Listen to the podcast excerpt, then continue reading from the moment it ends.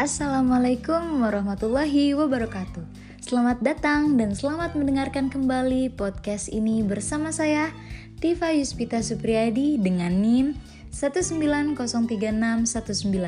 dan tentunya dari PGSD Penjas 2019. Gimana nih kabarnya semuanya? Semoga kalian tetap sehat ya. Walau kita lagi di masa pandemi ini harus tetap semangat.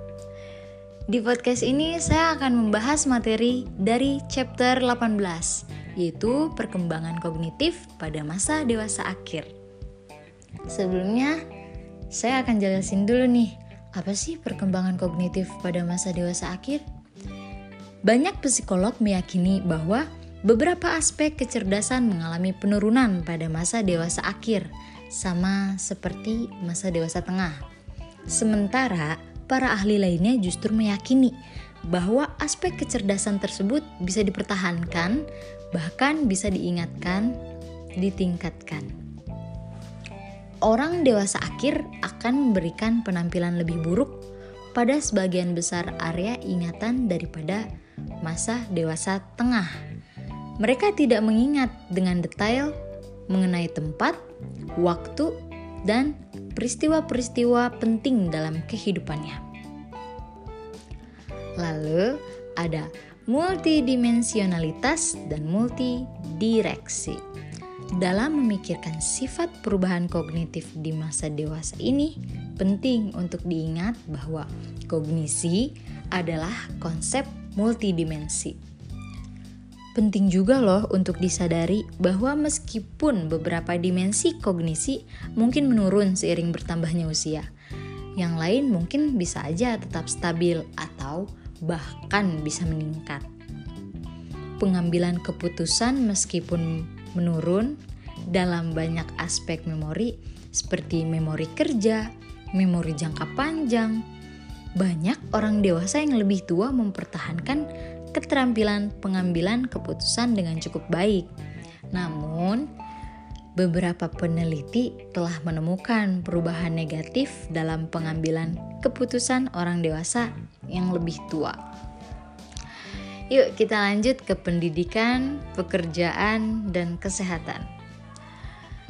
Pendidikan, pekerjaan, dan kesehatan adalah tiga pengaruh penting pada fungsi kognitif orang orang dewasa yang lebih tua, mereka juga tiga faktor terpenting yang terlibat dalam memahami mengapa efek kohort perlu diperhitungkan dalam mempelajari fungsi kognitif orang dewasa yang lebih tua.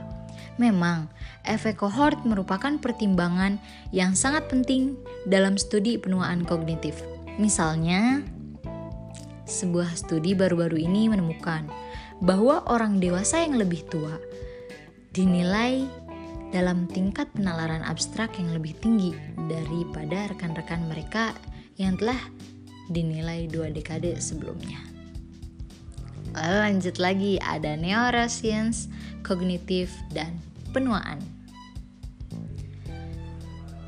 Perancak neurokognitif, pandangan tentang hubungan antara otak yang menua dan kognisi.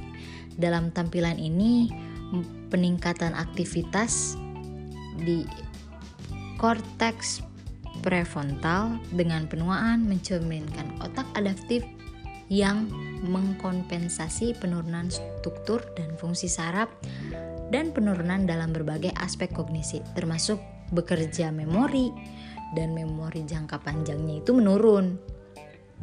Apa sih yang dimaksud ilmu syaraf?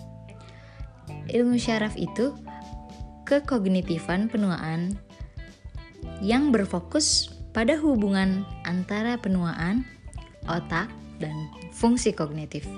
Bidang ini terutama bergantung pada pemindaian untuk menilai fungsi otak saat individu terlibat dalam tugas kognitifnya. Apa sih ciri-ciri perubahannya?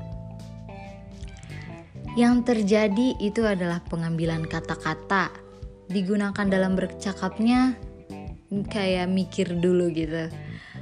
Pemahaman pidato, keterampilan fonologis dan beberapa aspek dari wawancara.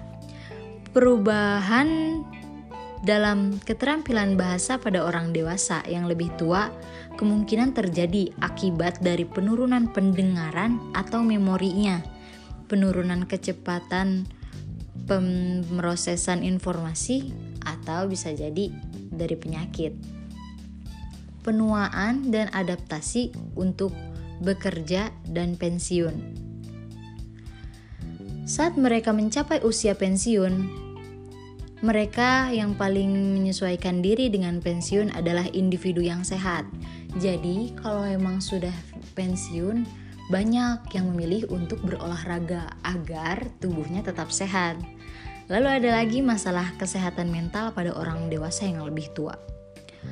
Contohnya itu penyakit Alzheimer.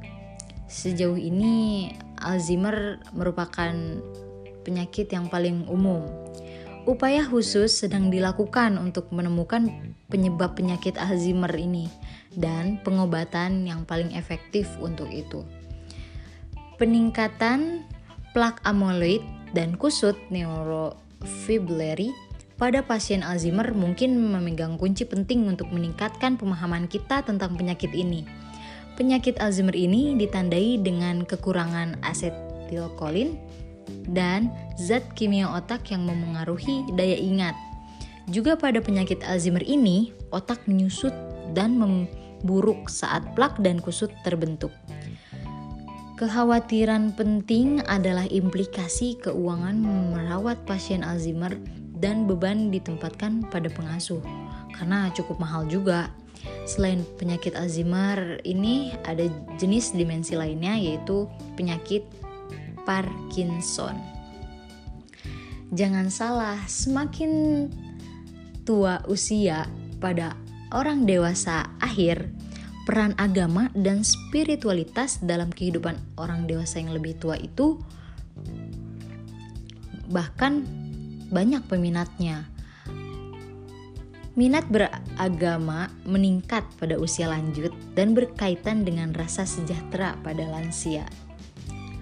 Nah, kesimpulannya, perkembangan fisik dewasa akhir atau lansia pasti mengalami penurunan dan memburuknya fungsi dan perubahan yang bisa kita lihat dan kita rasakan.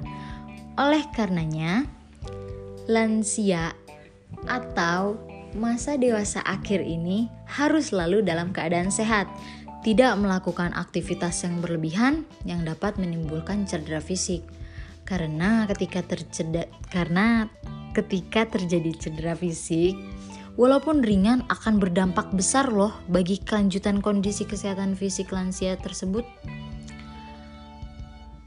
Dewasa akhir akan gampang terserang penyakit fisik seperti kerapuhan tulang dan lainnya.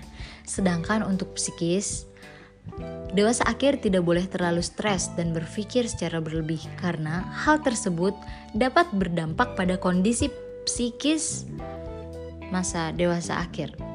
Diharapkan para lansia atau masa dewasa akhir ini harus selalu berpikir positif guna untuk menjaga kesehatan baik kesehatan psikis maupun fisik mereka.